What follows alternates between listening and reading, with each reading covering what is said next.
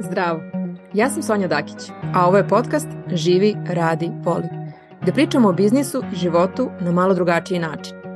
Ovde treniramo hrabrost i podržavamo radost uz praktične alate i sjajne životne priče. Ja verujem da dobre ideje mogu učiniti ovaj svet boljim i zbog toga im pomažem da porastu. Drago mi je da si tu. E pa dobrodošli svi u još jednu podcast epizodu Živi radi voli. Danas imam veliko zadovoljstvo da su sa mnom Milica i Sara, takođe učesnice programa 2023. godine i između ostalog danas jako dobre prijateljice i to je neka od tema koju danas želimo da prođemo. Ali pre toga ja ću pozvati, znači za vas koji nas slušate, imaćete u opisu epizoda i njihove linkove i sve što treba. Za vas koji nas gledate na YouTube, onda možete da vidite ovaj, ispod samog videa sve linkove, da se javite i da pitate šta vas interesuje. Ali ću ja zamoliti prvo Milicu i Saru da se onako pojedinačno predstave, pa da onda lagano uđemo u naš razgovor. Milice, hoćeš ti možda da otvoriš ovaj naš današnji susret i da kažeš onako u dve rečenice čime se baviš i na čemu trenutno radiš? Dve rečenice, ajde da probamo. Pa ja volim da kažem da se bavim ljudima i to je nekako moja definicija posla koji radim. U suštini međudski odnosi, HR je neko moje polje rada i danas pokušavam da usmerim sva svoje znanje i veštine koje sam sticala do sada upravo to pružanje podrške drugima na njihovom putu što ličnog što profesionalnog razvoja. E, pričat ćemo malo kasnije kako si sa našim učesnicama u programu pričala i do čega ste tu, ovaj, da kažem, sjajnih nekih zaključaka došli, tako ćemo malo se dotaknemo više toga. A sad hoću da dam Sari prostor koja između ostalog živi u predivnoj puli, što je za mene onako fascinantno. Kao, kao, znaš, kad se uključi ona na poziv, svaki put kao dah mora da dođe sa njom. Tako da, Sara, možeš ti da nam se predstaviš da kažeš, osim toga što živiš u prelepoj puli, šta radiš i čime se baviš? Da, hvala ti Sonja, najprije svega hvala ti evo što e, si nas tako lijepo ugostila. Naravno, osim mora tu možemo i pronaći i školjke koji su isto tako moji simboli, moje sidro. Pa ukratko o meni, evo, živim i radim i volim u Puli. Trenutno fokus, e, moj fokus grupe je u biti suština da pomažem ženama da izađu iz kruga preplavljenosti. Ove godine sam osim e, programa mentorskog kod Uživi radi voli, isto tako završila NLP master i holistički coaching u Floridi u Americi. Tako da evo, bavim se, znači imam i klijente uz područje cijelog Balkana, ali isto tako surađujem i sa nekim Amerikancima isto tako. Tako da mogu reći za sebe da sam si engleski onako jako lijepo podigla na neku novu razinu, neku drugu ovaj dimenziju. Da, pričat ćemo posle malo i nekim lepim planovima koje imaš za ovu godinu. Ja se nadam da, će, da ćemo biti svedoci toga što kaže da ćemo doputovati u tu pulu i biti deo te priče. Ali ono što hoću negde da vas vratim na početku, tako je negde ovaj, da se setite gde ste bile pre godinu dana, otprilike u ovo neko slično vreme, mesec, dva gore dole smo se prvi put upoznali i čule. I tu, Sara, hoću da krenemo negde od tebe, jer ti si se meni onako prvo čini mi se putem maila javila i kao je, hoću da budem deo tog mentorskog programa. Sve super, dopisivale smo se posle, razmenila smo neke osnovne informacije Onda si se ti par dana kasnije javila, e, znaš šta, kao ipak ne mogu, ne mogu sad, priključit ću se sledeće godine. I onda je to mene onako, pošto smo se baš lepo ispričali, upoznali, meni je potpuno nekako bilo jasno, aha, šta radiš, gde si trenutno i kako program može da ti pomogne bilo mi je malo krivo. I iz toga je proistekao zapravo jedan moj prvo newsletter, onda je newsletter jako dobro, da kažem, dobre ovaj, komentare dobio sam, rekla, ajde da ga napravimo jedan Instagram post. I to je bio taj Instagram post čuveni sa izgovorima, gde to kao ne mogu sad, doći ću sledeće godine, nemam sad dovoljno vremena ne? i tako nešto. I sam je rekla, ovo su upravo razlozi zašto neko treba da uđe u program. Pa bi volila iz svoje perspektive da, da kažeš kako je to bilo, jer si ti meni posle tog posta javila i rekla, ok, hoću, evo, tu sam. Točno, da. I hvala ti što si to spomenula jer mislim da je jako važno i za ljude koji se nečkaju kao što sam se ja nečkala na početku prošle godine. U biti ja sam kod tebe jako puno dobila na bootcampu. Znači ja sam imala priliku raditi sa tobom na bootcampu gdje smo na engleskom radili, imali radionice pet dana i meni je to toliki impakt si ti na mene ostavila da ja sam rekla ok, ja biram ovu ženu, ja želim raditi s ovom ženom. Međutim, u to vrijeme se meni na, na svim nivoima e, izdogađalo jako puno, stvarno jako puno promjena, izazova. Ja mislim u onom trenutku kad sam ja trebala, odnosno željela zakoračiti kod tebe u program, nekako sam osjetila neki strah. Možda je to previše, možda sad ne mogu. U tom trenutku ja sam se bavila, ono, s obzirom da sam i nutricionista, ali ne samo to i puno više od toga, ali trenutno u to doba sam se bavila isključivo time i u biti onaj tvoj newsletter me totalno doslovno pomjerio i ok, ovo je za mene, sam rekla, ima pravo, istrigerirala me, ovo je za mene, ja moram biti ovdje. I bilo mi je lijepo na upisu i baš ono što sam rekla da osjećam se taj živi radi voli da će mi biti moja trudnoća. Traje devet mjeseci, usporedila sam ga s jednom trudnoćom i stvarno evo rodilo se nakon devet mjeseci moja beba, odnosno moj posao. Tako da evo, od srca ti hvala što nisi digla ruke od mene, što si onako me e, lijepo istrigerirala i što sam odlučila dati sebi tu priliku da budem dio ove predivne zajednice. Da, pa hvala tebi što si mi izazvala. Znači, meni to bilo interesantno jer to nije bio obično moj način negde komunikacije, ali baš mi je bilo krivo. To, imala sam takav razgovor sa tobom i sa Marijom isto ovaj, iz Bosne koja isto imala neki, ja sam bukvalno vaše rečenice koje su se ponavljale iznova kao stavila rekla, ok, čekaj, ali šta je stvarno iza ovoga i kako ja na to mogu da odgovorim. Jer ti razgovori tome i služe, u smislu da se upoznamo i da vidimo. Ima ljudi koji kada završimo te razgovore kažem nije tvoj moj program za tebe, ali evo mogu da ti poručim nekog od kolega ili neko baš želi da radi jedan na jedan i to je skroz ok. Tako da, ajde sad da vidimo što se Milice tiče. Ja se sećam kada smo se nas dve, iako smo obi iz Beograda, ali smo se tako prvi put upoznali, ali tako? Ne znam, ne znam da još uvek da, tačno kako si ni došla do mene, ti možeš i to da podeliš. Ali kada smo se čuli, kada si mi ti pričala šta si sve radila i negde si, do, imala si dosta praksi i iskustva u nevladinom sektoru s nekim organizacijama s kojima sam ja takođe radila, nekako nismo se srele. Ja znam da sam ja pomislila, bože, koliko ona toga zna i koliko je toga prošla i ono što je moj utisak bio da zapravo ti sada treba da se ne uklapaš više u neke tuđe projekte i da ne odgovaraš na upite koji dolaze kao sa strane, jer ti svašta znaš i svašta možeš, nego baš to da je došao trenutak da negde sedneš i kažeš ok, ali šta ja od svega toga hoću. Znači svašta ja mogu, i svašta znam, ali što ja stvarno hoću i gde sam ja, gde je neka moja snaga i, i ljubav i to je negde bio moj utisak da je to negde ovaj, tvoja tema sa kojom si došla, ali bi volila tebe da čujem ako možeš se setiš gde si bila pre godinu dana. Apsolutno, pa da, jesi upravo si što se tog tvog doživljaja tiče, zapravo jedno od onih ciljeva koje, koje smo postavljali na samom početku prilikom prijavljivanja na program meni jeste bila jasnoća i negde zapravo hvatanje nekog pravca koji će biti sada neki novi pravac. I zašto? Zato što baš to što si spomenula, ja od 2018. godine zapravo radim samostalno i bavim se konsultingom, ajde tako široko da kažemo, u oblasti razvoja što biznisa, što ljudi, timova i, i slično, putem zapravo pružanja usluga u tom polju menadžmenta, upravljanja što procesima, što ljudima. I onda u nekom trenutku, baš prošle godine, ili možda malo pre moje prijeve koje je usledila za živi radi voli, ove, došla sam u tu neku fazu gde prosto nekako sam poželela da sad ja to nekako uokvirim u nešto što je moj program, u nešto što će biti zapravo sve ono što ja znam. Ako se sećaš, ja sam imala tu metaforu šopska salata. Ja bukvalno to, svašta sad tu nešto ima, pa hajde da izvučem neku, u stvari, svoj neki recept koji će predstavljati neki moj program koji mogu da pružim drugima upravo iz ovih oblasti u kojima sam nekako sve ovo vreme isticala i iskustvo i imam znanja i negde kao te neke moje veštine kako mogu da upregnem upravo za to.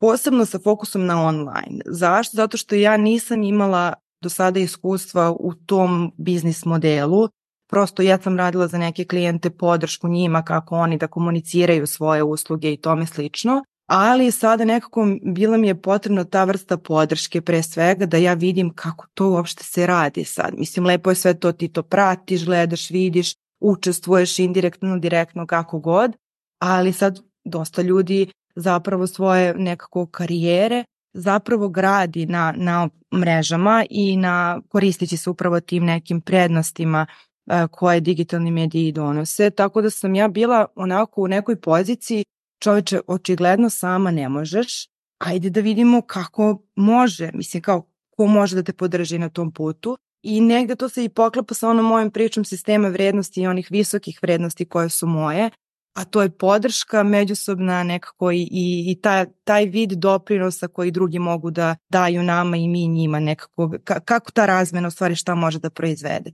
I da ja i kod tebe, mislim, negdje ja sam pratila dosta tvoj rad ranije i da nismo se znale ovaj, uživo, ali baš kampanja koja ti je trenutna, to je ovaj Canvas biznis model, je meni bila onako inicijalna kapsula kao ajde da vidimo šta mogu ja sad tu da se prijavim, da ispratim kako prosto Sonja radi i onda je usledila kampanja i za, i za mentorski i nekako sam poželjela da i tebe modelujem na neki način.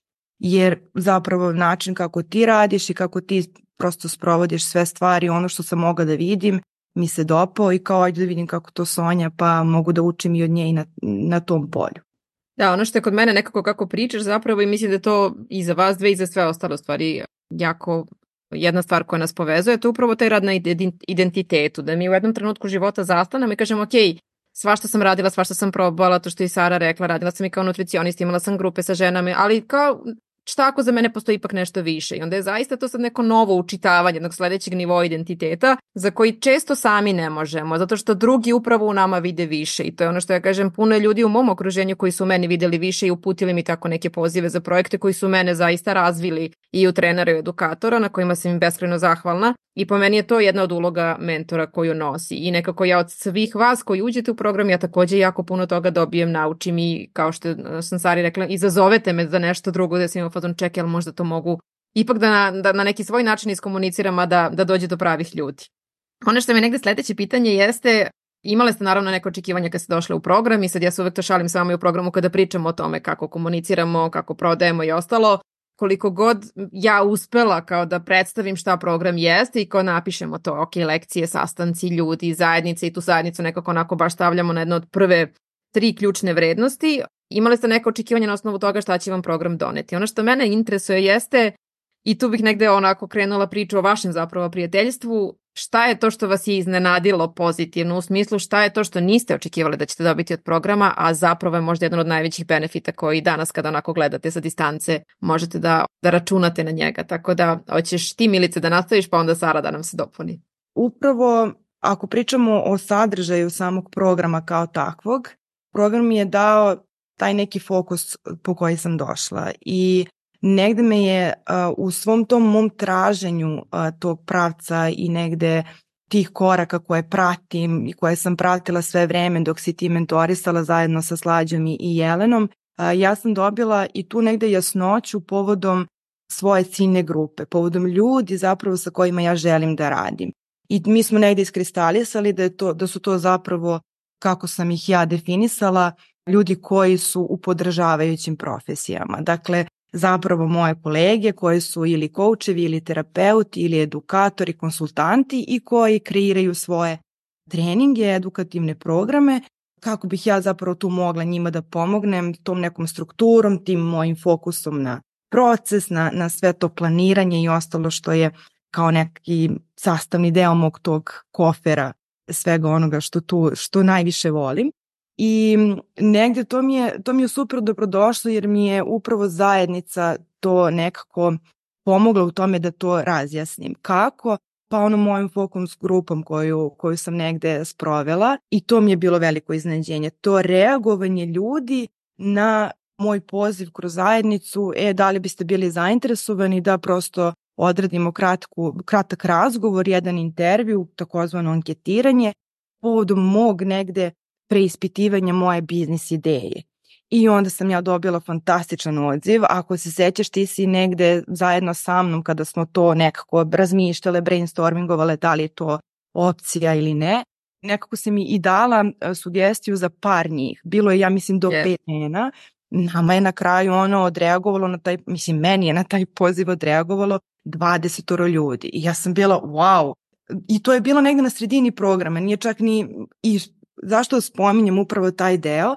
Zato što je od tog momenta nekako moje povezivanje sa zajednicom meni donelo pregrš toga, pozitivnog, inspirativnog, motivišućeg, upravo zato što sam kroz tu fokus grupu, pored tog momenta informacija i nekih podataka koji su mi značili za negde i moje odlučivanje povodom moje današnje ponude, dobila i fantastičnu bliskost koju gradimo i dalje sa, sa mnogo ljudi, mislim, priliku za to.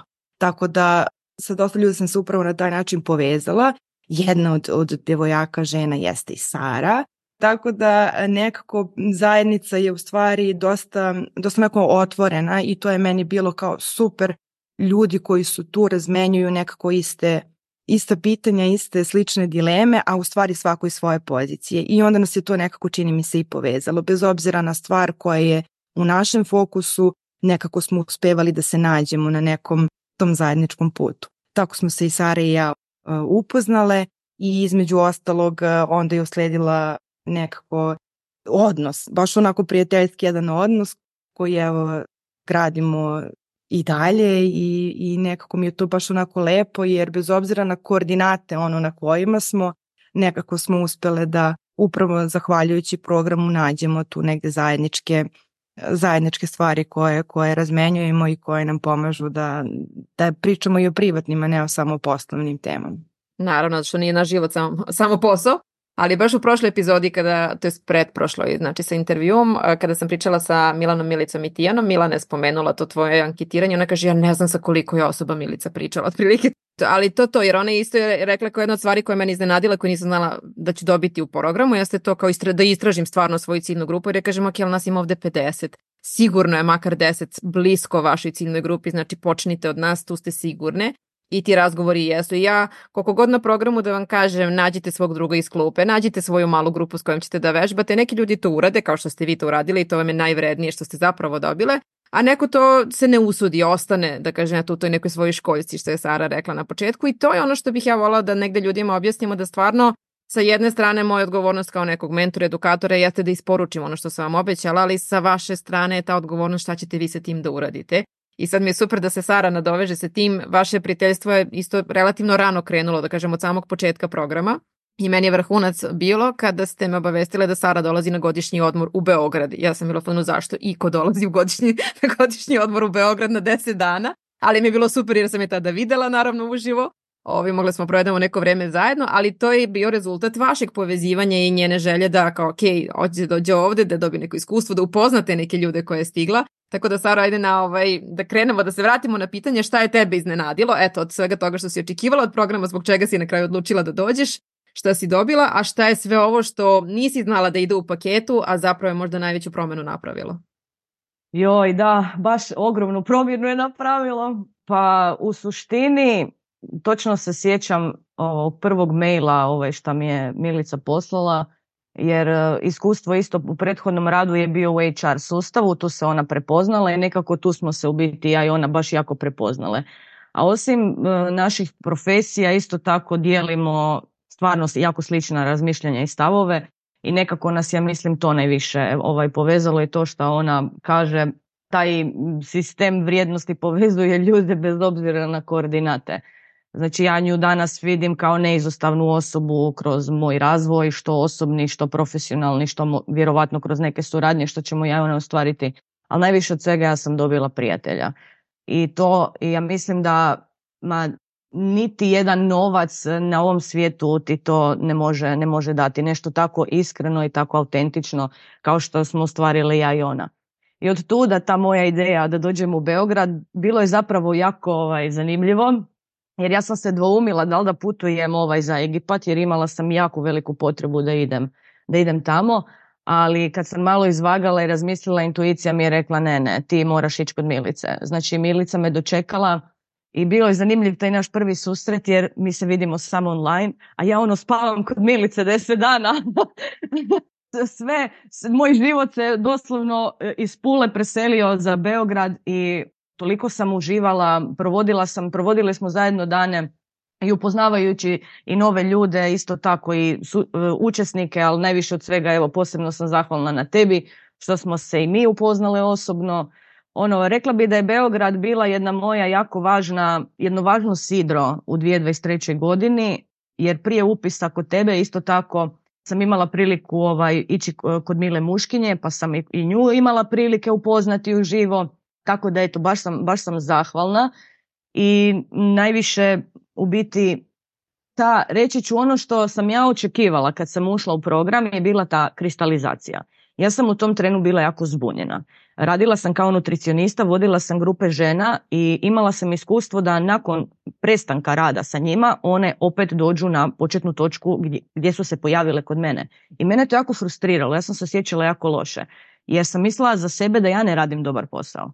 I nekako sam shvatila da tu treba još nekako, treba, treba mi još, tu treba mi još raditi na sebi, nešto tu mi fali, ne mogu samo te planove i pratiti ih. Osim motivacije potrebno da one radi na slici o sebi, a jedino to zato spajam sad nutricionizam i coaching kako bi mogla objediniti sve to. Iako sam shvatila kod tebe da to mi nije neka primarna niša. I tu sam dobila u biti tu taj, taj aha trenutak kristalizacije. Ok, u redu je, to si radila i više to ne želiš raditi. Tako da, eto, to je ono što me najviše dobilo, a isto tako moram istaknuti da u Živi radi voli smo svako od nas pojedinačno tretirani kao cijelina. I mislim da je to jedna ogromna prednost i jedna velika, velika, velika stvar za, za pojedinca upisom kod tebe na Živi radi voli. Da, hvala ti na tome. Sad si me podsjetila i to mi je super da spomenemo. Ti si kada si se prijavila kod mene na program imala si I to je isto neki deo identiteta. Znači imala si email adresu koja je bila sara.hustler at pa recimo gmail.com i onda si mi posle dva ili tri meseca, ne sjećam se tačno kad, rekla, e, slušaj, i to ti mislim čini mi se bio i Instagram. Ja neću više ovu adresu, ja neću više da budem taj hustler, ja, jel možeš samo da mi promeniš adresu kao za obaveštenje, kažem najmanje nikakav problem, to mi najmanje kao samo uđemo na imenik, zamenim adresu i on si rekla, ja sam sad sara.ušić.gmail.com i ovo je moj novi profil.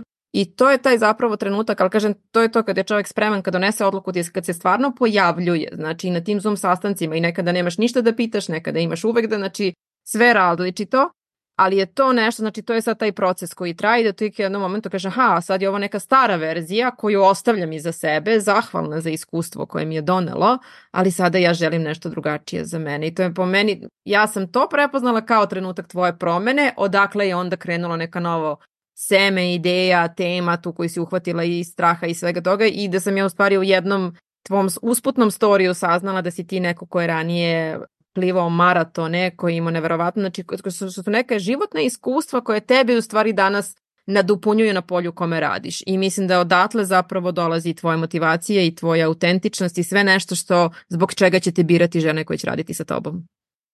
Da, hvala ti jer baš to prečesto uzimamo naše iskustva kao zdravo za gotovo.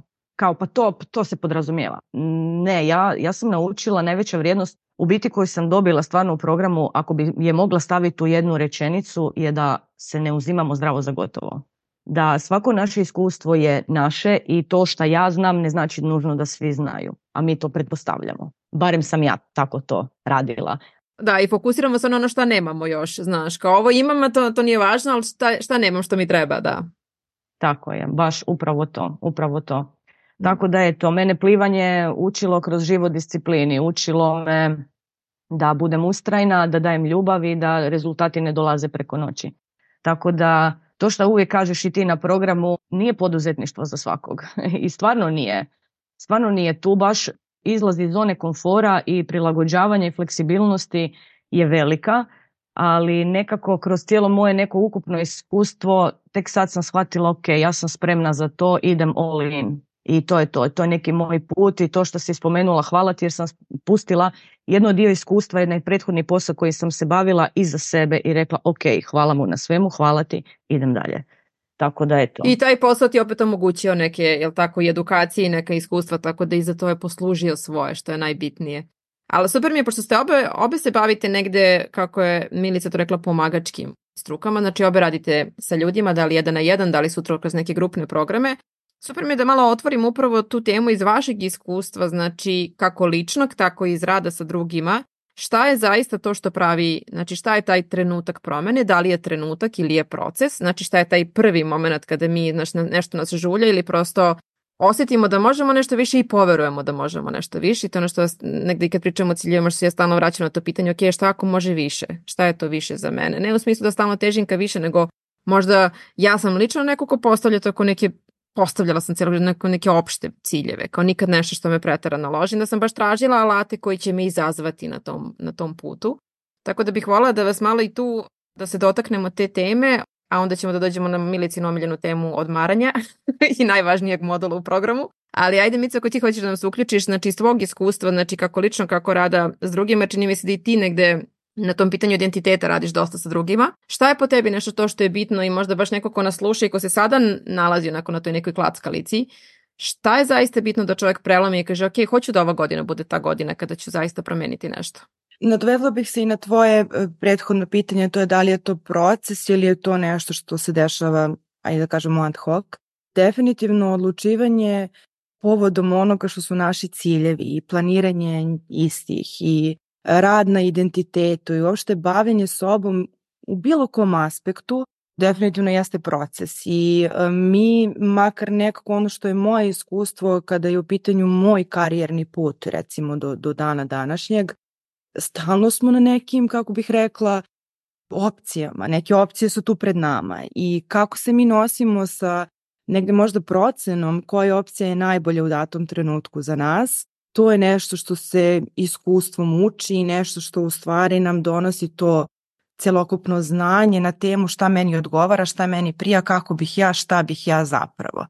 I puštanje možda u, u, i sloboda da, da negde odlučimo da ili damo otkaz ili pokrenemo nešto svoje ili radimo tri posla u istom trenutku, dakle bez obzira na to šta je odluka koju donesemo, puštanje u to nekako zavisi od te doze hrabrosti, ajde da kažem, ovaj, koju, koju posjedujemo. Konkretno, moment u kom je meni dosta onako značila podrška drugih i jeste bio taj moment kada sam ja prepoznala da sam ja u procesu rekreiranja nekog svog karijernog puta. Mislim da je bitno da na neki način se okružujem upravo ljudima koji su imaju neka slična možda iskustva kao mi i koja, od kojih možemo da učimo. I nekako ovakav tip programa kao što je tvoj upravo donosi tu jednu atmosferu koja je pogodna za učenje i preispitivanje. Ne samo za to kao evo ja sad odlučila, ne, nego ajde kada smo već tu svi zajedno i možda je to ono što je meni onako highlight, a upravo je grupni rad. Ja ranije nisam imala priliku da u grupi radim na nekom svom cilju, na nekom svom planiranju i tako dalje. Uglavnom bi to bili neki, da kažem, moji mentori, lični moji konkretno menadžeri, koučevi, šta god da sam imala u iskustvu do sada kao neku support grupu koju imam.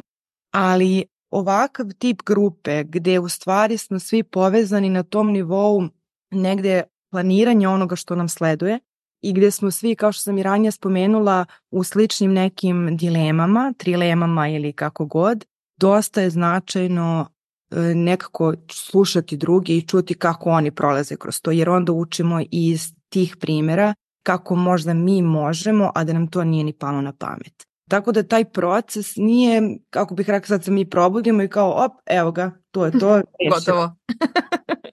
Mislim da nije tako, a i sa druge strane, ja kao neko ko pruža podršku drugima na tom njihovom putu razvoja, to mogu da primetim i kroz rad sa ljudima nebitno da li je tema neki možda timskih komunikacija, međuljudskih odnosa, to ili lično ovaj, rad na, na sebi i nekom, nekom delu koji je kao uvežbavanje ili neka vrsta unapređivanja nekog, nekog polja koje nam je u fokusu. Definitivno to je stvar prilagođavanja sa tom nekom novom i delu identiteta, a s druge strane i novim okolnostima i onome što mi takvi novi, drugačiji zapravo, u stvari krenemo da primećujemo oko sebe šta se to tačno dešava, kako mi komuniciramo sa klijentima, kako mi radimo sa kolegama, na koji način se mi odnosimo prema svom poslu, a iznad onako svega toga u stvari kako se mi odnosimo prema sebi. Tako da ta, da se sad vratim i negde na, na tu ključnu možda neku uh, poruku, bila bi definitivno dopuštanje sebi da probamo i da onako malo više budemo osoba opcija i da onako dozvolimo sebi da prosto kao pa dobro, mislim, ajde da vidim možda, možda je ovo za mene, možda i nije. Možda je ovaj projekat onako interesantan, mogu tu da dam, šta ja tu mogu da dam zarad tog nekog napredovanja kom, kom težim. Ali bez te ambicije i motivacije, koja nekako i zavisi od one akcije, to je tvoja, tvoja nekako super isto lekcija, e, životna čini mi se ne samo u programu e, koju, koju sam ja konkretno pokupila, ne može motivacija doći bez akcije, mislim da upravo to, bez te akcije i tog nekog pokušaja ovaj, ostaćemo zaglavljeni tu gde jesmo, a divno je kada imaš zapravo podržavajuće okruženje koje može da te pogura i da ti bude tu i što je jedna od, od naših koleginica, ajde tako da kažem, učesnica programa rekla da ti drži prostor. Kao, evo ja, ja sam tu da ti držim prostor, da zajedno probamo da vidimo. Šta god, jest. Tako je i da vidimo gde će to onda nas odvede. Da, dok si pričala sad u stvari podsjetila sam najviše na taj format pričaonice koji smo mi prošle godine prvi put uveli zahvaljujući slađenoj inicijativi i koji je vama stvarno služio kao taj neki nedeljni prostor da se pratite, da dođete, da kažete radim na tome i tome ili treba mi to i to ili trenutno sam tu i tu, zaglavila sam se i da zaista u jednom bezbednom okruženju možeš da budeš i ranjiva i tužna i povređena i ljuta i šta god znači treba, a da će ti drugi služiti baš za, za podršku da kroz to prođeš brže, lakše, jer to je to, znaš, ljudi misle kad uđu u lični razvoj, kao sad ću ja da sad naučim tih par tehnika i onda više nikada neće imati probleme. Ne, problemi će uvek biti tu, samo ćeš ti naučiti lakše i brže da prolaziš kroz njih, to je, to je poenta i da u datom trenutku možeš nekoga nešto da pitaš i da znaš, aha, Sara zna to, Milica zna to i mnogo brže da, ili tako, da to više ne deluje kao nepremostive neke prepreke, nego kao prosto neka iskustva kroz koje ćemo proći i izaći na drugu stranu. Tako da Saro, šta ti kažeš iz tvog iskustva? Meni je to jako interesantna ta tvoja tema rada sa ženama na njihovom, krenemo od kilaže pa do, do identiteta pa do svega nečega. I, I te teme do koje si negde danas došla, koja je preplavljena, sa kojom mislim da svi mi se negde ovaj, susrećemo. Šta je po tebi eto bitno za taj proces promene, kako on zapravo izgleda i šta je to što zaista na kraju eto i pravi rezultate? Pa baš bi se evo nadovezala na tvoju najprije svega objavu jučer, ono da je odgovornost e, podjednaka. Imam iskustva da, to vjerujem imaš i ti, kad dođu na tvoj program, puno očekivanja, one bi svašta nešto to, naj... ja im kažem, ja vam nisam Harry Potter, ja nemam štapić čaroban, ne planiram ga uskoro kupiti, znači ja vam mogu biti tu sa vama, baš to držati vam prostor, usmjeravati vas, ali na vama je ta akcija. Znači to je ono, to na podjednaku odgovornost o kojemu smo pričale odnosno koju si objavila jučer i koja mi je onako jako, baš me opet onako mi se vratila jer to je stvarno rečenica koju ja upotrebljavam, upotrebljavam u svom radu. I smatram još uz to da je jako va, od važnosti to osvještavanje radeći na, na svim nivoima. To što je Milica spomenula, ne samo kao kroz motivaciju, da motivacija, ali treba ti akcija. Jer motivacija je kao tuširanje. Znači, treba ti svaki dan. Tako da moraš imati neki viši cilj, neki viši smisao, jedno, reći ću tako, jedno svjetlo prema kome ideš, što si si odredila i nekako ja sam jako zahvalna što imam sad priliku raditi s takvim ženama kojima mogu biti suport u takvom jednom, u jednoj, ajmo reći, sigurnoj zoni, jer držim im tu sigurnu zonu kao što je meni netko držao sigurnu zonu, a to si bila ti. Tako da je to, imala sam prilike jako puno naučiti i zato, ajmo reći, ta neka moja niša koja se više usmjerava na taj odmor. Jer vidim koliko smo mi iscrpljeni, svatko od nas. I naučila sam jednu najvrijednijih lekcija koja mi je bila u programu je bila baš odmor. Jer ja ga nisam svjesno planirala. Mislim, samo radiš, radiš, radiš, sve se to kao nešto. I ono, da, što je meni bilo interesantno za tebe, pošto si tu, što kaže, živiš na mestu koje je turističko, što vama nekako leto, koje je svima nama koji smo u gradu pojam, mo, naš kao more, odmor je leti, tebi je to pik neke sezone u poslu u kome si tada bila i onda kao, okay, kako ti iz te pozicije daš sebi za pravo da tvoj odmor može da bude u septembru, u oktobru, u novembru, nebitno, ali da ga imaš, da ga ne gubiš samim tim zato što kada je drugima odmor ti radiš. Tako je, upravo to. Da, mi imamo drugačiji, mislim opet ta, ta sezona turistička, sve to preljepo, ali eto, dosta smo fokusirani i na, na taj turizam. Svaki, svaka druga osoba u Istri se bavi turizmom. Tako da razmišljam pa već ako ono mi je univerzum dao da živim na takvom jednom predivnom mjestu, pa zašto ja ne bi to iskoristila isto tako da se bavim, ajmo reći, jednim drugačijim vrstom turizma, to je baš taj taj odmor. Baš taj odmor u kojem bi se fokusirala konkretno za to. I nekako moja ideja je kroz e, određeno vrijeme da završim taj, e, taj čakra, e, čakra školu koju sam si upisala u Americi i nekako da skrenem, ajmo reći početna točka ovog kvartala i onda da krenem sa organizacijom retrita krajem, krajem septembra ovdje u Istri. Da, ja moram da, da odam malu tajnu, neka to ostane ovako zabeleženo pa ćemo da pričamo o tome kad se bude desilo na jednom od naših sastanaka Sara je rekla pa eto ja tako planiram neki retreat po tako vinarijama, po Istri i tako. I mi, i mi smo odmah rekli ok, ajde ko će odmah se prijaviti da vidimo sa koliko kola idemo za Istru? I odmah se nas, ne znam, petoro, šestara, osmoro prijavilo jer je to zaista nešto što, na, što ja jedva čekam da neko organizuje, posebno ako je neko, taj neko ti. Tako da se ja nadam da ćemo ove godine zaista to da iskustvo imamo i da podelimo sa drugima i da baš podelimo neke drugačije modele, upravo to da, da prvo naučimo da planiramo svoj odmor, vreme sa ljudima koje volimo, a onda između toga da planiramo kad ćemo šta da radimo i kako će ostale stvari da se, da se slože sa tim, da malo drugačije taj raspored i prioritete posložimo. Točno, točno to, taj balans. To. Meni je falio taj balans i ja sam ga ovdje s vama dobila. Predivno. Znači, najviše na svijetu, tako da hvala od srca. Jajno. Znam da je Milici isto lekcija sa umećem odmaranja, inače me skoro Jelena Novović mi je pisala kao, e Sonja, išla sam da štampam kao priručnik i ne mogu da nađem kao za umeće odmaranja priručnik, kao je možda greška ili ga ja ne nalazim. I kaže, ne, ne, ne, sećaš se da ta lekcija nema ni snimljene lekcije, niti priručnik, da je baš bilo to, kao jedna radionica i to je to ali je zapravo na većinu vas ostavila najveći utisak. I ja sam je stavila zato što je takođe bila moja tema. Jer ja kad sam se srela sa tim, bila sam ono, u čekaj, vidi, ovo je strava, ovo ne sme da ostane samo ono što kaže na meni. Tako da Milica, ajde nam ti malo ispričaj šta je, kako je ta lekcija, ta tema uticala na tebe, šta je promenila konkretno. I evo, pošto si tad, sad si taman sa svog odmora došla, pohvalila si se pre nego smo krenuli sa snimanjem da si to napravila dve nedelje potpunog odmora od svega. Kako to danas izgleda u tvom životu? Šta se mi dogodilo?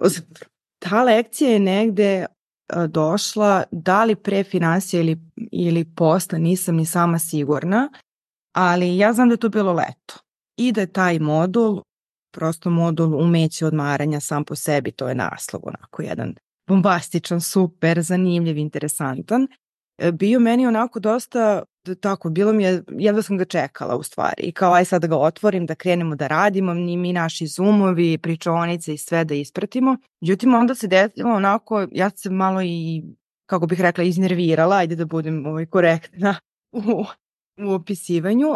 Zašto? Zato što sam upravo to shvatila što spominješ da je negde i Jelena tražila od tebe da mi tu nemamo šta da radimo. Sad nešto kao što smo inače radili do tog trenutka. I taj neki, ajde nazovimo ga štreber u meni u stvari je bio u fazonu ok, šta sad, mislim kao kako ja sam da se nosim sa ovim kada mi imamo jednu lekciju i to je to. I onda sam to pustila tako i čak sam ga i preskočila, mislim nisam se nešto posvetila toj, tom modulu, prosto jedva sam čekala naredni koji je kao sledovao kako bih zapravo sela radila, otvorila svoj rokovnik, mi sad tu razumeš, ono imamo sve korake koje treba se prate, da ja odradim vežbe i sve kako treba. I onda se to tako nekako ostalo za mnom da bih ovaj pred kraj programa u stvari krenula isto tako u skladu sa mojim nekim e, stilom učenja da se vraćam na lekcije, da ja vidim šta sam tu propuštala, šta mogu ponovo i šta još mogu da, da završim dok si mi još tu, jer ja to tako sam zamišljala, ok, sad kao mi do tog novembra šta uradimo, uradili smo.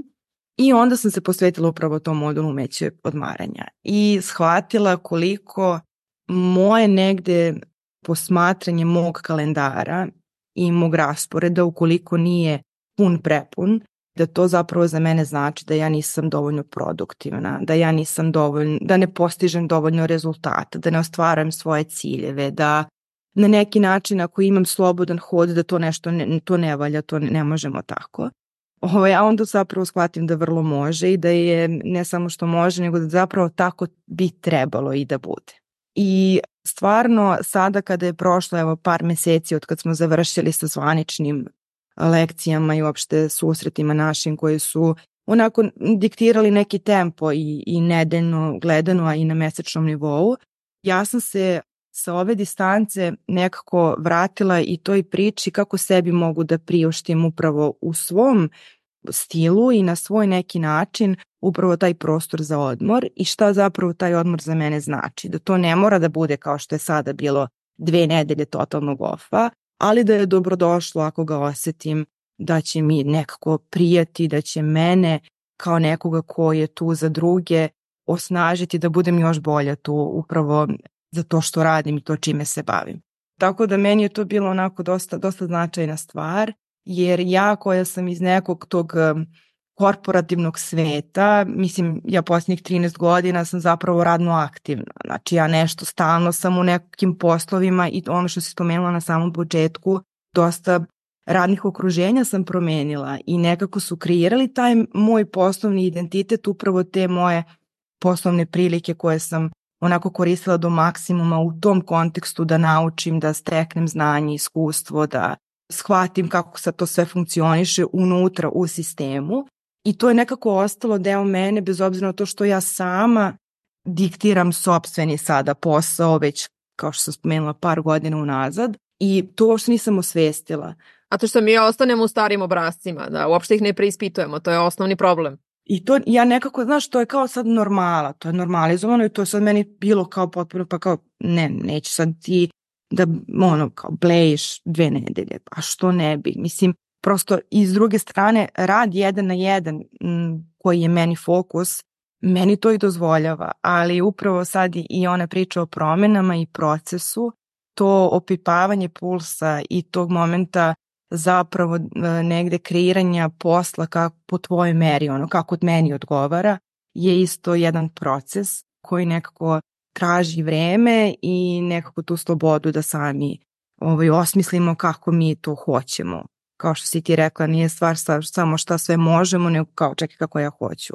Da, ja znam da je bilo nešto, ja sad kao sad ćete da te prozovem da te pitam, da je bilo priče i Milana je pričala o tome da ćeš ti napraviti jedan svoj program, ja sam rekla strava super, ja se nadam da će se to desiti, da, će, ovaj, da, da ćemo da čujemo jer se mi između ostalog, pošto je ta tema planiranja onako izašla kao, kao bitna, sam rekla super, onda nama dođe da nam održiš neki masterclass ponovo u zajednici, zašto da ne, jer je meni sjajno i to ste imali prilike da vidite ove godine, neki od ljudi sa koji, koji su tu već dve, tri godine kao Jelena Bašević i Jelena Damjanović su imali svoje znanja, znači koje su baš kroz te formate masterclassova podelili, koji su meni vredni, gde je meni sjajno da znam neke ljude koji su izuzetni, koji rade neke svoje teme, svoje procese i to, da ih pozovem i da oni mogu o tome da pričaju. I tako mi je sjajno da vas sutra ugostim na te vaše teme, da kažem, ok, ajde sad, to će biti jedna tema koju ćemo spakovati u tih sat, sat i po, ali je to upravo to negde mo, e, moja ideja te zajednice gde kao ne moram ja da imam sve odgovore, ali samim tim što sam tu 15 kusur godina, činjenice da znam neke ljudi i da oni znaju neke sjajne stvari i da svako ko od vas ko prođe program Upravo vam ja kažem, ako treba da održiš neku radionicu, ajde održi prvu radionicu nama. Ajde da mi budemo ta publika koja će ti stvarno dati iskren feedback, da ti vidiš da li to staje u to vreme koje si zamislila, da li za vežbu treba više ili manje vremena i da to u stvari bude upravo taj neki proces. Ali da se vratim na, na tu temu odmora, meni je ta lekcija, to je ovo je prva godina 23. da sam je dodala, jer je to period kada ja stvarno idem na odmor i kao uvek je bilo to kao kako će sad program, odmor, sastanci, pa kao ne da. I onda mi je moja, moja jako dobra drugarica Jovana rekla, pa čekaj, ali ako ti tim ženama pričaš da treba da planiraju svoj odmor, onda ti moraš svojim primjerom to da im pokažeš i kao ti stvarno moraš da ne budeš tu i kao da stvari funkcionišu kad ti nisi tu. Ja sam rekla, ok, I kao, dobro, sad ću ja da snimim lekciju. Ja kažem, neću da snimim lekciju, ali pojenta te lekcije da one ništa ne uče tog meseca, nego da sednu sa praznim parčeta papira i da budu u fazonu, čekaj bre, šta ja volim da radim, kako ja odmaram, sam ja u stanju da sednem, jer ja znam koliko Ja sam to pričala na jednom sastanku, mislim baš kad sam uzela neki program vežbi da radim kao za opuštanje i kao sad imaš po danima, prvi dan, drugi dan, treći dan. I sad ja nešto pripremam se nedelju dana, sad ću da to, kao imam sve moju prostirku, sve vamo tamo, namještam se i kao prvi dan puštam da mi ona priča. I kao sada lezite na leđe, opustite se, raširite lopatice, opustite noge, karlicu, sve tako i lezite 10 minuta. Ja sam ono, zašto ležim 10 minuta, kao razumeš? I to je bukvalno bila cela vežba za prvi dan kao vidimo se sutra. Ja sam bila, kao što ti kažeš, frustrirana do, do koske, kao u fazonu, zašto sam ja potrošila ovih 10 minuta, razumeš, mogla sam nešto da radim, a onda shvatiš da jeste najveći benefit da ništa ne radiš tih 10 minuta i da vidiš kako se osjećaš u telu, gde postoji napetost, šta je nešto, znaš, da osvestiš zapravo kako si, ono kad te neko pita, kažeš dobro sam, samo ovo da mi prođe. Tako da to je baš velika tema, ja se jako radim što će Sara tom temom da nam se više bavi, tako da se nadam da će, da, će doći sa nekim ovaj, još boljim alatima, jer ovaj, ja sam tu sa vama podelila taj neki test koji smo radili zajedno na temu uh, burnouta, što je svima negde tema jako bitna i opet neke te resurse što je meni bilo kad sam otkrila kao aha, koliko vrsta odmora tih sedam nivoa, da kažem, na kojima mi možemo da odmorimo celokupno svoje biće od svojih emocija, svog uma, svog tela, koliko je to bitno i zašto nekada ne možemo samo da se naspavamo i tako rešimo osjećaj umora koji nosimo, nego nam je zaista potreban jedan ozbiljniji sistem. Tako da, da, meni je sjajno to što zapravo ja kroz vaš feedback onako dobijem nekada potvrdu, nekada i potpuno osvestim u stvari kao nešto sam slučajno uradili ili što je bio možda rezultat okolnosti čak, kao nešto nisam stigla pa kao tako je ispalo, što zapravo ispadne najbolje moguće i što koliko god nešto da planiramo i da ga da ga e, stavljamo u neki model, zapravo na kraju sve bude baš onako kako, kako treba. To je super sad, uh, samo da se nadoveže na to tvoje zapravo slušanje naših feedbacka, feedbackova, jel? Ove, ovaj, da, odnosno poradnih informacija, koliko je važno što mi imamo taj prostor u okviru programa da i nekako i damo nekako svoje mišljenje, svoje sugestije i ono što možda nama je potrebno više, čega nam, šta bismo još dodatno i tome slično.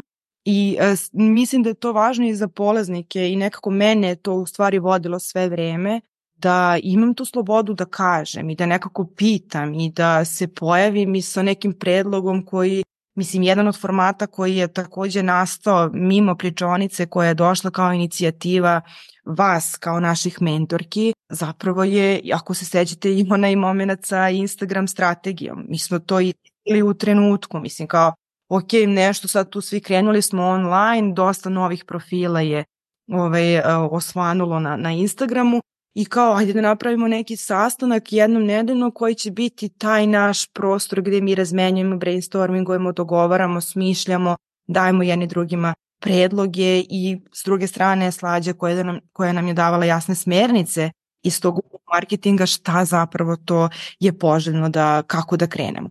Tako da meni je to stvarno onako velika vrednost takođe programa što kažeš čitala si naše evaluacije, ja sam se lično osjećala kao da zapravo da mene neko ovde čuje i koliko ja pokušavam da tu svoju ono aktivno slušanje uvek aktiviram kada smo u procesu rada, isto sam se osjećala da, da radite i vi i mislim da je to onako baš jedna od stvari koje se dobije, a ne piše u onom kurikulumu tvom, ne piše u onom planu. Ne može sve da se napiše, to je problem.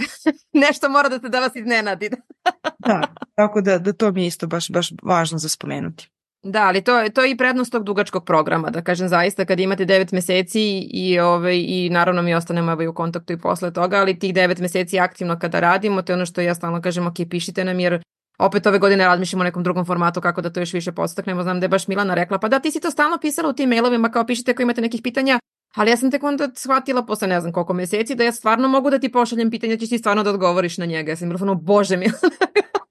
ali ovi, to jeste i program zaista kada imate taj vremenski okvir koji je širi vam daje tu mogućnost da se prilagodite i da kada vidite aha čekaj ali ovoj grupi ljudi treba to ili ima vas više koji radite nešto za temu, a ja mogu da, ili neko koga ja znam možda odgovori na to, super, ajde da ga dovedemo. Ja tako i masterclass predavanja otprilike na početku sezone, ne na početku nove generacije, ja postavim 3-4 znači ono teme koje hoću i ljude koji hoću da pričaju, ali onda kada mi se okupi grupa ja vidim aha šta je neka tema koja se ipak možda pojavljuje koji se ja nisam setila i onda me to inspiriše da se setim koga još dodatno mogu da pozovem i to je ono što je meni isto jako bitno da ja budem svesna i prisutna u programu, a ne kao ja sam to tako smislila i to će sad tako da ide i znači ta ta fleksibilnost kao u životu, kao u poslu jeste, mislim, ključna da, da i mi budemo dobro u tome što radimo. E sad bih hvala negde, pošto su moje zamisa ovih razgovora jeste ta kao priča o uspehu, uspehu na naš način i kako on može biti puno, u puno različitih modela, kao što ne nosimo svi isti broj cipela niti garderobe, tako ni naš uspeh ne treba da, da se meri istim stvarima i nekako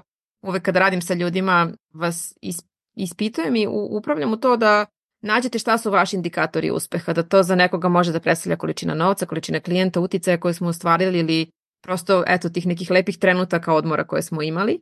Pa bih volila da, da malo se te teme dotaknemo u smislu da li se kod vas to promenilo, kako ste možda nekada percipirale uspeh i kako ste ga, evo što, što si ti Milice rekla, kao znam kad mi je popunjen kalendar, ja sam produktivna, kao to je to. Ja sam isto sličan taj tip pa se od toga odučavam već godinama A šta je to možda sa kako ga sada gledate, baš u tom kontekstu šta je negde bitno? Ja se tu uvek setim Brene Brown u jednom podcastu, ja mislim kod Tim Ferrisa baš rekla kao eto mi ljudi smo skloni tome i učimo ceo život da postavimo neke velike ciljeve, da budemo ambiciozni, da ne znam šta vamo tamo da kad se do, de, dogodi nešto životno, kada izgubimo nekog ko nam je drag ili se prosto neko razboli ili se neke okolnosti tako nameste koje nisu nisu do nas, kaže ne možemo tako lako da ih promenimo, kaže mi onda ono za čim zapravo čeznemo su ti mali svakodnevni trenuci. To je kada smo seli s prijateljima, popili piće, odgledali film, otišli na letovanje, sedeli na plaži, pričali do kasno u noć uz čašu vina. To su trenuci kojima se mi zapravo vraćamo i onda kada to znamo, onda je sjajno da takve stvari zapravo više planiramo, da ih više imamo i da ih što svesnije proživljavamo. Mislim da je to ono kako ja sagledavam. Ali ajde, Saro, ćeš ti da nam se uključiš da sa kažeš kako je uspeh nekada izgledao za tebe, a gde si sad?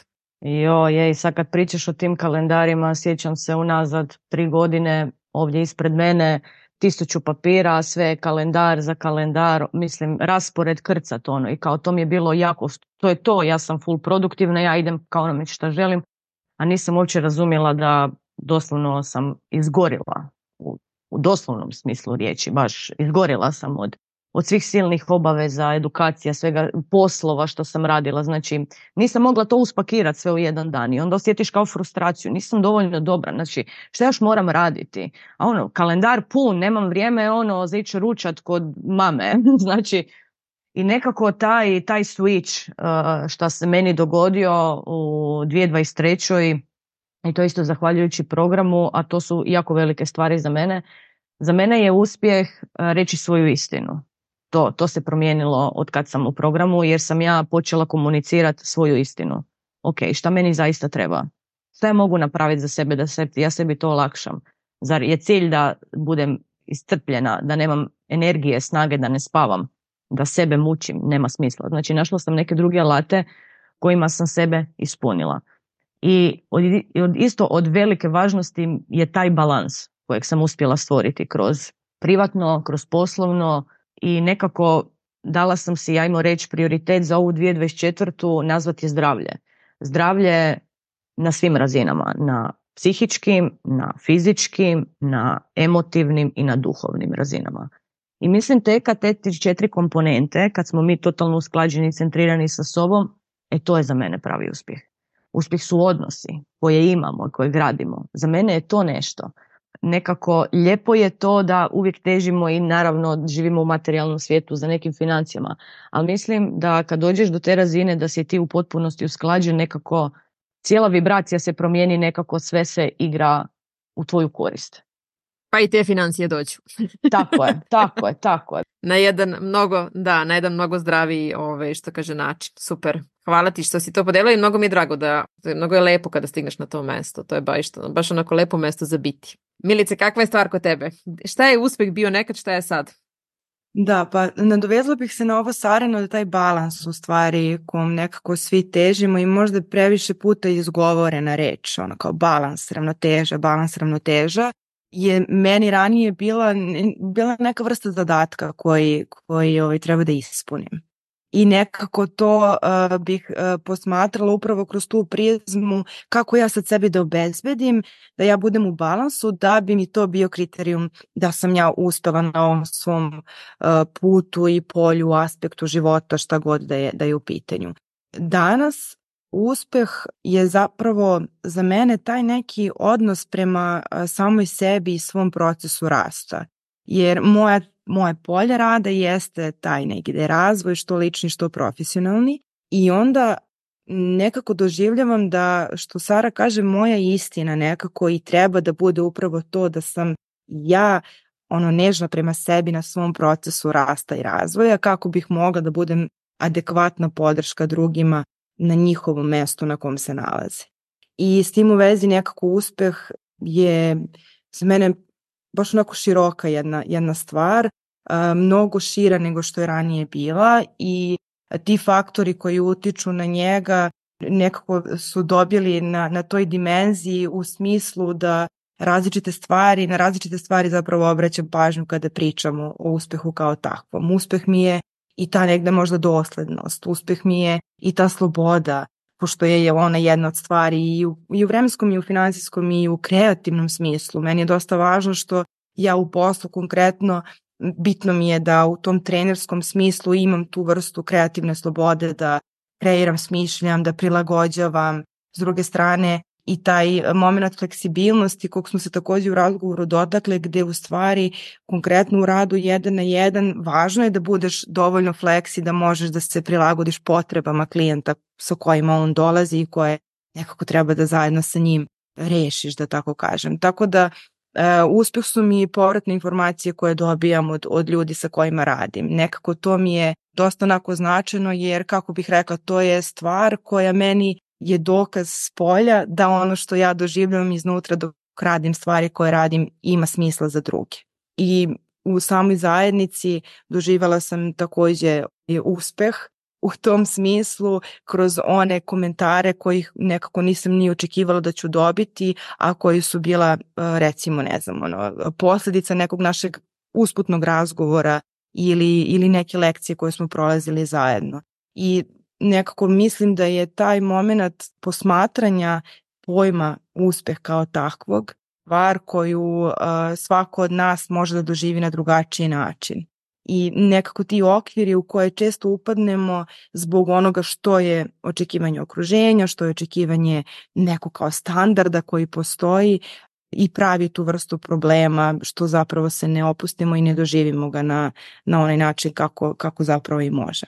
Da, ja se opet, znaš, kao dok, dok ti pričaš, ja se sećam i koliko ste vas dve obe dolazile na sastanke, pitale, slale mailove i mislim da je to, znaš, kad mene neko pita, to što kažem, nije uvek, nikada nije toliko do ideje koliko do onoga ko stoji iza te ideje i šta je sve spreman da uradi. Što ćemo mi ideju lako da menjamo i da prilagođavamo, da kažemo, aj čekaj, ovo sad ne radi, ajde da vidimo kako može, pa nešto nam se ne sviđa, ne izgleda kako smo zamišljali, ali je jako bitno to da se pojavimo i kad nam je do toga i kad nam nije do toga i kad imamo pitanje i kada nemamo, jer to što ti kažeš, nekada će neko da kaže nešto sa strane i ti ćeš da uhvatiš i kažeš, jo, meni ovo ne bi palo na pamet ili kako ja ovo mogu da iskoristim. Tako da mislim da su to baš te nijanse, znači sitnice koje dugoročno prave razliku i ta, ta odluka da se pojavimo, jer mislim da nekome, posebno nekome koje kao mi dugo u ličnom razvoju, u edukaciji, mi često upadnemo u tu zamku kad naš neko nešto priča ti kažeš aha ja ovo znam, kao znaš nije to i onda odeš na drugu stranu i kao neću slušam ili radim nešto sa strane, a zapravo izazov da svesno premostimo svoj mozak i tu ideju i da kažeš čekaj čekaj znam ovo, ali možda sada mogu da dobijem jedno nešto malo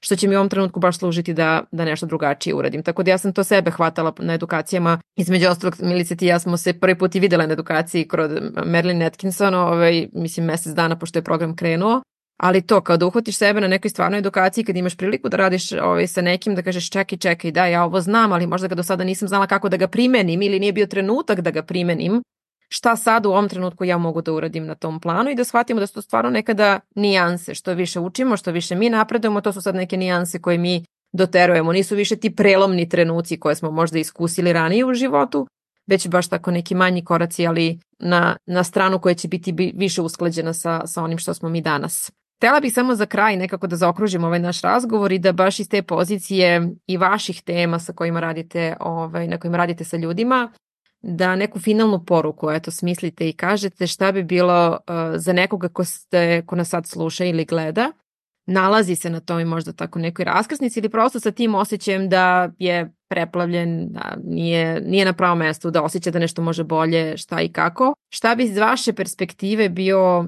možda prvi mali korak koji treba da napravi ili reč ohrabrenja koju, koju treba da čuje. Pa Saro, ajde tebe da, da pusti Milicu malo da razmišlja. Imaš neku onako poruku za kraj, eto neko ko razmišlja možda da upiše program ili da se javi tebi ili Milici za, za rad, šta bi, šta bi bila neka reči podrške? Pa riječ podrške kojim bi ja uputila tim ljudima i tim ženama i muškarcima, jer sam se ja našla u takvoj situaciji na klackalici gdje sam bila više ne nego da. I onda se dogodio taj tvoj mail. I nekako kroz taj mail sam dobila utisak ma ja sam spremna napraviti ovaj korak.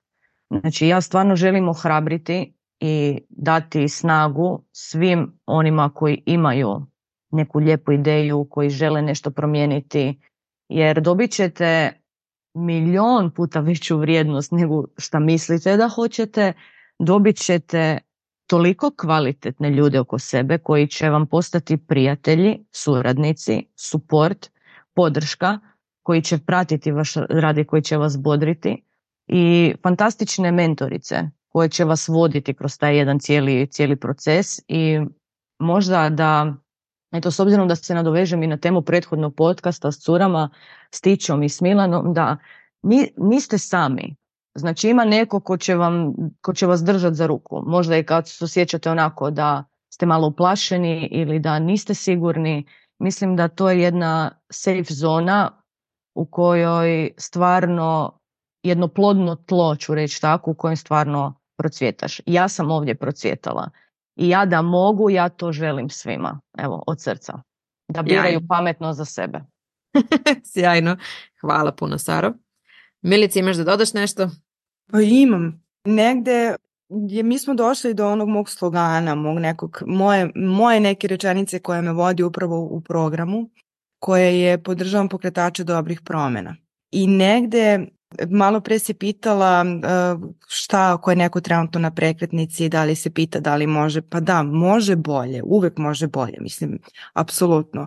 ali trenutak kada nekako imamo sve to pred sobom, kada je u pitanju sam sadržaj programa i ljudi koji su tu na čelu sa tobom, mislim da je pogodan za iskoristiti da ono čime trenutno raspolažemo razumemo da je dovoljno da krenemo, da se pozabavimo tom našom idejom, našim ciljem koji smo postavili ili još uvijek nismo ili nam je ono, ili smo u nekoj zbunjenosti povodom njega, da nekako kroz program stvarno se dobije ta vrsta jasnoće a, povodom promene koje, koje težimo. Tako da, eto, samo bih to dodala da ako se pitamo da li može bolje, pa može, ali to je nekako i poenta rada bilo kog i na bilo kojoj temi povodom čega god da, da, da se uhvatimo sada, um, uvek može bolje, ali šta je ono što je trenutno dovoljno da bismo nastavili da se krećemo tom nekom svojom putanjom je nešto što definitivno može da se dobije radeći se